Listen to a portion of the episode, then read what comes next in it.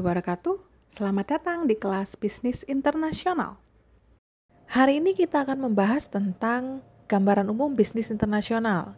Diawali dengan sejarah bisnis internasional yang sudah ada sejak zaman Roman Empire.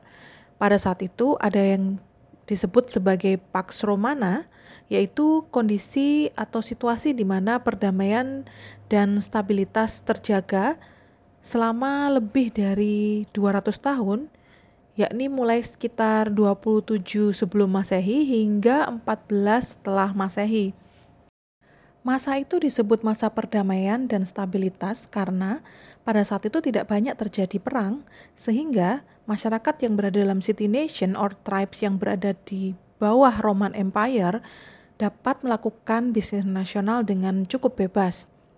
Bahkan, City Nation dan juga tribes yang berada di luar Roman Empire pun turut bergabung dan bekerja sama dengan uh, City Nation dan tribe dalam Roman Empire untuk melakukan bisnis internasional. Di masa yang lebih modern, kondisi yang serupa dengan Pax Romana dilakukan oleh negara-negara dunia, yaitu Pax Americana. Pax Americana ini disponsori oleh AS, tujuannya adalah untuk menjaga perdamaian dunia. Satu peristiwa terbesar dalam bisnis internasional pada saat itu adalah dikeluarkannya Smoot-Hawley Act oleh United States pada tahun 1930-an yang kemudian menyebabkan Great Depression pada tahun 1930-an. Aturan ini menambah hambatan perdagangan khususnya untuk barang-barang impor agar dapat melindungi pasar domestik. Ketika aturan tersebut diberlakukan oleh AS, yang terjadi adalah negara lain juga ikut memperlakukan aturan yang serupa. Akibatnya, terjadi stagnansi dalam perdagangan internasional, yang kemudian memicu terjadinya Great Depression. Lalu, apakah bisnis internasional itu? Ada beberapa definisi tentang bisnis internasional. Definisi pertama, bisnis internasional adalah pertukaran barang dan jasa lintas batas negara. Barang di sini antara lain bisa produk pertanian, eh, resources, fashion, dan juga daily use product seperti shampoo, sabun. Coba deh teman-teman perhatikan di sekitar teman-teman seperti sampo misalnya, adakah yang pakai Clear, Pantene, itu adalah produk-produk dari MNC seperti Unilever maupun P&G. Sabun pun demikian, misalnya ada yang pakai uh, Biore, itu adalah produk dari Kao, perusahaan MNC asal Jepang. Service atau jasa, misalnya dalam dunia uh, perbankan, ada HSBC, Barclay, Ernst Young, kemudian uh, di bidang education ada Kumon. Nah, sih pernah lihat Kumon kan di sekitar kita. Kemudian ada Elsevier terkait dengan publikasi. Nah, ini ada entertainment. Ada film, musik, drama, K-pop things, BTS, Blackpink, kemudian ada Sony Music, Warner, MGM, SM Entertainment. Selain itu juga di bidang transportasi, uh, transportasi udara, aviation, transportasi laut, maupun dunia perkereta apian, dan juga travel and tourism. Ini mencangkup uh, food and beverage, lodging, hotels, perusahaan yang bermain di sini seperti Four Seasons, misalnya dalam perhotelan, British Airways, Marriott, dan lain-lain sebagainya. Definisi yang kedua adalah bahwa bisnis internasional mencakup semua transaksi komersial, baik yang dilakukan oleh private sector, bahkan individu, maupun government, di antara satu atau lebih negara. Maaf, dua atau lebih negara maksud saya. Definisi lain menyebutkan bahwa bisnis internasional merupakan profit related activities yang dilakukan lintas batas negara. Jadi lebih mencakup bisnis yang memang profit oriented. Apabila itu dilakukan lintas batas negara, maka itu termasuk dalam bisnis internasional. Nah, kemudian mari kita bahas tentang apa bedanya bisnis internasional dengan uh, domestic business. Jadi ketika suatu perusahaan itu memutuskan untuk go internasional, ada banyak faktor yang perlu dipertimbangkan oleh perusahaan-perusahaan yang melakukan bisnis internasional. Di antaranya adalah terkait faktor legal political, ini termasuk uh, pajak, kuota, perdagangan ya, jadi uh, trade barrier ataupun restriction dalam investasi maupun uh, pasar. Jadi misalnya begini, misalnya ada perusahaan A dari negara A mau berinvestasi uh, FDI di perusahaan uh, di negara Indonesia misalnya. Nah, negara Indonesia itu kalau kalau tidak salah uh, ada aturan yang menyatakan bahwa perusahaan asing itu tidak boleh memiliki 100% saham uh, atau kepemilikan di sini. Artinya, perusahaan asing yang mau berbisnis di Indonesia, maka harus melakukan uh, kerjasama atau joint venture dengan perusahaan-perusahaan lokal. Ini tentunya harus menjadi pertimbangan dari MNC yang ingin melakukan ekspansi pasar ke uh, luar ataupun ingin berinvestasi asing secara langsung di suatu negara lain. Termasuk pajak, kemudian aturan soal uh, eh, UMR atau gaji uh, minimum dari uh, buruh atau karyawan di negara tersebut itu akan menjadi pertimbangan bagi MNC-MNC yang akan datang melakukan ekspansi usaha di negara lain. Karena itu, tak heran apabila ada negara-negara tertentu yang memang UMR-nya tidak terlalu tinggi dan juga produktivitasnya tinggi, maka biasanya negara-negara semacam itu disukai oleh MNC untuk melakukan uh, investasi. Faktor lainnya adalah ekonomi. Ekonomi ini termasuk di dalamnya adalah daya beli masyarakat. Nah, kan pasti antar negara beda-beda uh, GNP-nya, per kapitanya, pendapatan per kapita tiap orang berbeda-beda di satu negara dengan negara lain dan itu mempengaruhi daya beli masyarakatnya sehingga mereka harus memperhatikan ini mana barang yang e, bisa dijual sesuai dengan kemampuan masyarakat di dalam negara itu dan mana yang tidak. Perbedaan sistem ekonomi negara juga berpengaruh di sini. Dan juga selain itu nilai tukar mata uang yaitu e, fluktuasi falas itu juga sangat berpengaruh dalam melakukan bisnis internasional. Lain yang tak kalah penting adalah e, terkait dengan social culture. Jadi social culture ini adalah membentuk e, market preference dari masyarakat yaitu e, mana yang lebih disukai oleh masyarakat suatu negara itu tentunya berbeda-beda ada satu barang yang sangat disukai oleh negara A, tapi belum tentu akan disukai pula oleh masyarakat di negara B. Karena itu, perusahaan harus memperhatikan hal-hal semacam ini jika ingin sukses dalam melakukan ekspansi pasar. Salah satu contoh yang gagal adalah Walmart di Jepang karena dia menggunakan slogan everyday low price Sedangkan orang Jepang tuh menganggap kalau harga murah itu identik dengan kualitas yang kurang baik sehingga mereka tidak mau membeli barang-barang di sana.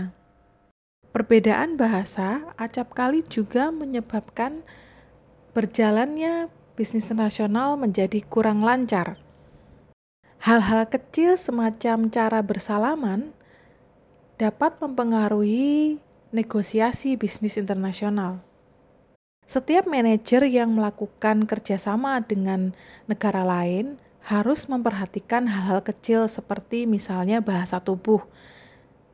Di negara Jepang, cara orang bersalaman adalah dengan membungkukkan badannya. Kemudian, orang Jepang lebih menghargai orang-orang yang lebih senior dibandingkan dengan orang yang masih muda, walaupun punya kemampuan yang baik. Hal ini tentunya berbeda dengan Amerika Serikat ataupun Eropa, yang masyarakatnya lebih menghargai orang-orang yang dengan uh, kemampuan yang baik ataupun skill yang memadai dibandingkan hanya terkait usia saja. Sekarang kita bahas tentang aktor dalam bisnis internasional. Pada dasarnya aktornya ada empat, yakni negara, eh, perusahaan, firms, individual, dan juga organisasi internasional. negara dalam melakukan bisnis internasional bisa G2G, government to government, maupun G2F, uh, government to firm. G2G misalnya pembelian pesawat Sukhoi oleh pemerintah Indonesia dari pemerintah Rusia.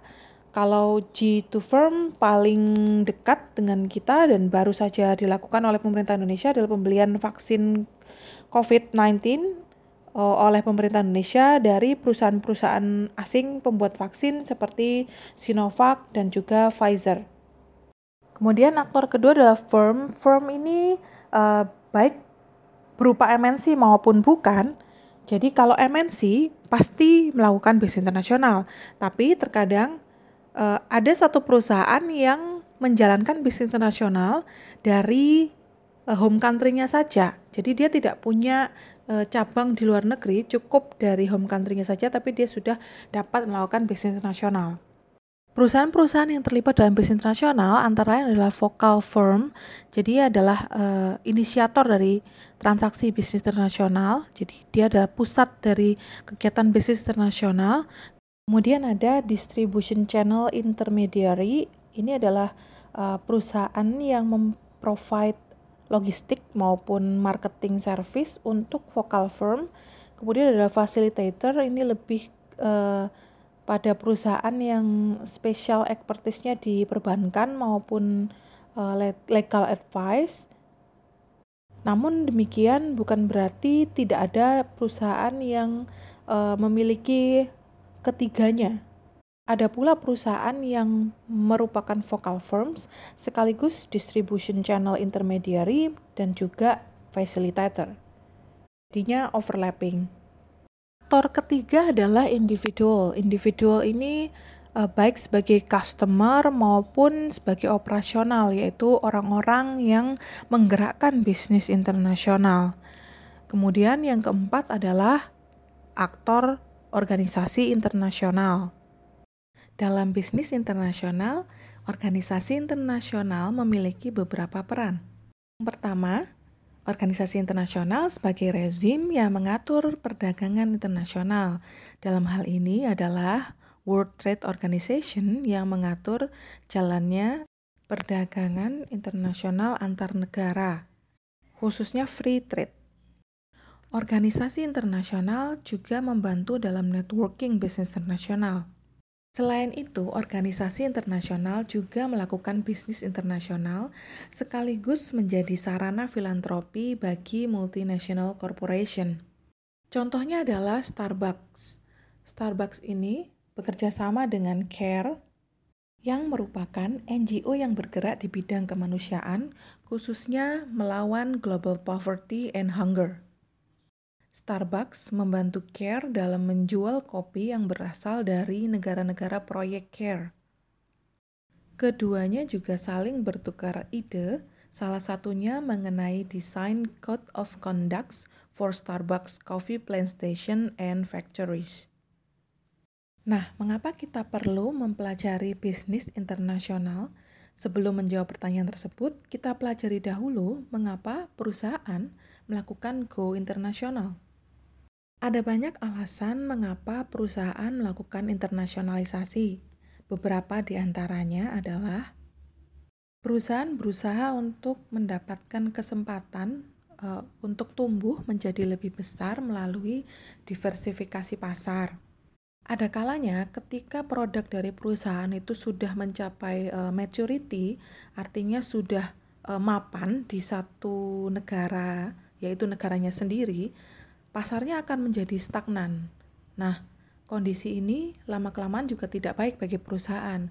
Karena itu, akhirnya mereka memilih untuk uh, go internasional untuk mencari pasar baru agar mereka dapat memasarkan produk-produk yang lebih variatif dan juga uh, mendapatkan pasar yang lebih besar. Contohnya Gillette, itu kan perusahaan untuk uh, pisau cukur ya. Nah, di negara asalnya ruang untuk berinovasi produk itu uh, sudah kurang gitu sehingga akhirnya Gillette itu memutuskan untuk uh, keluar negeri agar dapat berinovasi lebih banyak di pasar-pasar yang tentunya berbeda dengan pasar di negara asalnya. Dari diversifikasi pasar tersebut, tentunya perusahaan akan mendapatkan eh, margin dan profit yang lebih besar. Alasan lain perusahaan melakukan go internasional adalah uh, untuk mendekatkan diri ke sumber uh, bahan mentahnya, supply source-nya. Jadi, terkadang perusahaan tidak bisa serta-merta langsung mengekspor barang dari uh, home country to host country-nya uh, ke negara tujuannya maksud saya. Hal ini karena biaya dari ekspor tersebut akan lebih besar dibandingkan mereka uh, datang ke sumber-sumber uh, bahan mentah yang mereka gunakan dan membuat uh, production factories di negara tersebut. Selain mendekati resources, MNC atau perusahaan biasanya melakukan uh, bisnis nasional yaitu FDI di suatu negara karena untuk mendekati pasar. Apabila hitungan biaya produksi uh, ekspor lebih tinggi daripada mereka uh, FDI, maka pilihan FDI lah yang akan dilakukan oleh uh, perusahaan-perusahaan tersebut. Maka tidak heran apabila dalam satu produk itu jika kita telaah uh, lebih detail, komponen-komponen yang terdapat dalam satu produk itu bisa berasal dari berbagai negara. Misalnya burger saja itu bisa berasal dari uh, berbagai negara. Satu buah burger rotinya bisa dari Australia misalnya. Kemudian uh, dagingnya dari Selandia Baru. Kemudian uh, seladanya dari US misalnya. Jadi satu produk yang kita gunakan atau bahkan makanan yang kita makan itu bisa berasal dari berbagai macam negara. Oleh karena itu, kita perlu mempelajari bisnis internasional. Karena bisnis internasional mempengaruhi semua kegiatan eh, para konsumen, pekerja, perusahaan, maupun perusahaan di seluruh dunia. Sebagai konsumen, kita bisa menikmati banyaknya pilihan produk dan juga uh, harga sebagai pekerja juga merasakan kompetisi yang ketat di antara satu negara dengan negara lain. Perusahaan yang melakukan bisnis internasional tentunya juga perlu memperhatikan faktor-faktor legal, politik, ekonomi, dan juga social culture masyarakat tujuan pasarnya. Dan pemerintah melakukan regulasi dan juga bekerja untuk um, ciptakan lapangan pekerjaan dengan bekerja sama dengan perusahaan-perusahaan tersebut. Sebagai student, teman-teman sekarang mungkin masih menjadi consumer ya atau konsumen, tapi suatu saat nanti e, bisa jadi teman-teman lah yang akan e, melakukan produksi dalam sebuah perusahaan MNC besar ataupun perusahaan e, dalam negeri yang melakukan bisnis internasional atau teman-teman akan berperan sebagai e, pemerintah yang mengatur regulasi perdagangan internasional. Kalau sebagai konsumen pun setidaknya kita bisa mempelajari bagaimana sih uh, suatu produk itu sampai ke tangan kita melalui bisnis internasional ini. Jadi yang kita akan pelajari nanti dalam bisnis internasional adalah terkait kegiatan bisnis internasional seperti ekspor, import, or global sourcing, dan juga FDI uh, eh, yang meliputi internationalization strategy yang dilakukan oleh mereka, serta bagaimana cara mereka melakukan kegiatan bisnis internasional tersebut. Ya, demikian materi hari ini. Terima kasih dan semoga bermanfaat.